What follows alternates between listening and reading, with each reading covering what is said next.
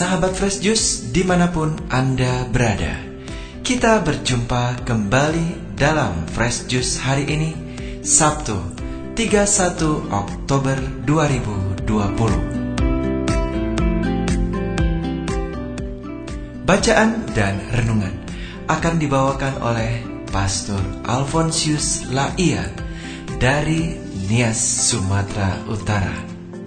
Selamat mendengarkan.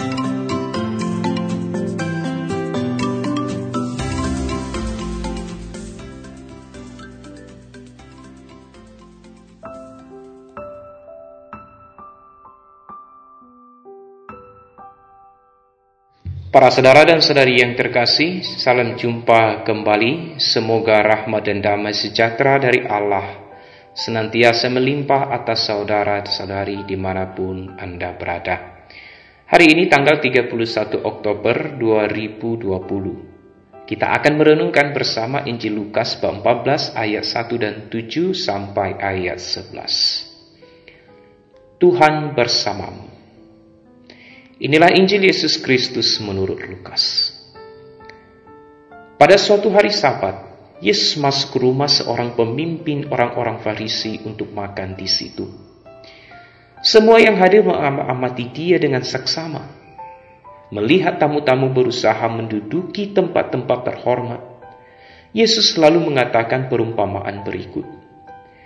Kalau engkau diundang ke pesta perkawinan, janganlah duduk di tempat kehormatan sebab mungkin ada undangan yang lebih terhormat daripadamu.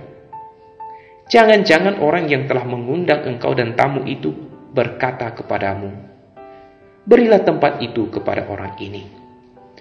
Lalu dengan malu engkau harus pindah ke tempat yang paling rendah. Tetapi apabila engkau diundang, duduklah di tempat yang paling rendah. Mungkin tuan rumah akan datang dan berkata, Sahabat, silakan duduk di depan. Dengan demikian engkau mendapat kehormatan di semua tamu yang lain.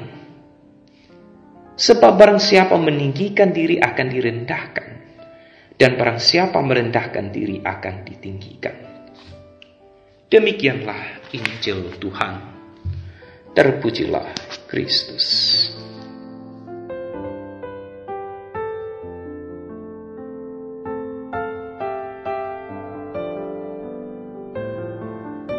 Saudara dan saudari yang terkasih, Bapak Ibu yang dicintai Allah. Barangkali Anda sudah pernah dan mengenal Santo Alfonsus Rodigus, seorang kudus dari Serikat Yesus. Santo Alfonsus terkenal dengan kerendahan hatinya untuk mengerjakan pekerjaan yang paling remeh dan yang paling dianggap kotor diberi pelayanan istimewa sebagai penjaga pintu biara, Santo Alfonsus tidak pernah merasa hina. Ia bahkan melaksanakan tugas-tugasnya dengan cinta yang besar.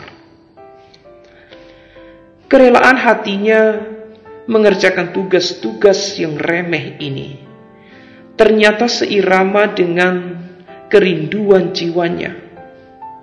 Santo Alfonsus merindukan agar ia mampu melupakan diri sendiri supaya Allah semakin dikenal dan dimuliakan.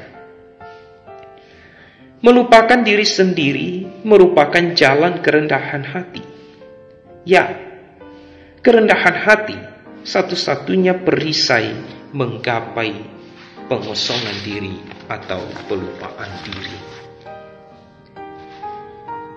Santo Paulus menghayati pengosongan diri sebagai daya yang memampukan dia dan menghubungkan dia dengan Kristus. Biarlah Kristus semakin besar, sementara aku semakin kecil. Bagi Paulus, Kristus adalah segala-galanya dalam segalanya, dalam hidup dan matinya melupakan diri sendiri tidak pernah mencabut kebenaran kodrati jati diri kemanusiaan. Justru melalui jalan melupakan diri jati diri kemanusiaan kita ditegakkan lebih kokoh.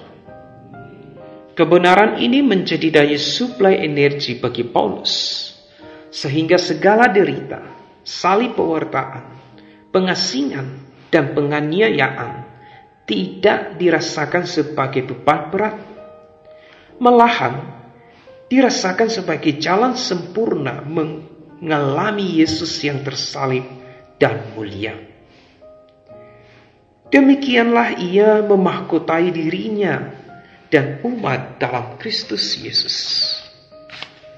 Saudara-saudari yang terkasih, melupakan diri sendiri sebagai wujud nyata kerendahan hati adalah salah satu keutamaan yang harus kita hayati dalam hidup sebagai pengikut-pengikut setia Kristus Yesus. Yesus bersabda, Barang siapa merendahkan diri akan ditinggikan.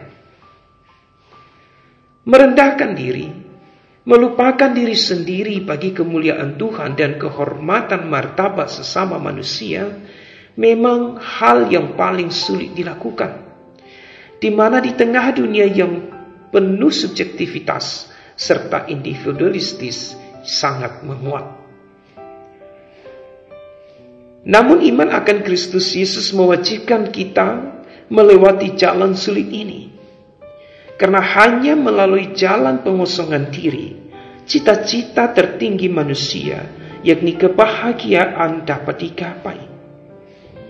Mencita-citakan kebahagiaan tanpa melewati lorong pengosongan diri adalah ilusi belaka. Pengosongan diri merupakan jalan satu-satunya yang paling sempurna memahami keagungan Allah dalam diri Kristus Yesus yang melalui jalan itu sendiri menyembuhkan martabat manusia yang terluka akibat dosa. Semoga Allah yang Maha Rahim memampukan kita melewati jalan yang mulia ini. Tuhan memberkati. Sahabat Fresh Juice, kita baru saja mendengarkan Fresh Juice Sabtu 31 Oktober 2020. Segenap tim Fresh Juice mengucapkan terima kasih kepada Pastor Alfonsius Laia untuk renungannya pada hari ini.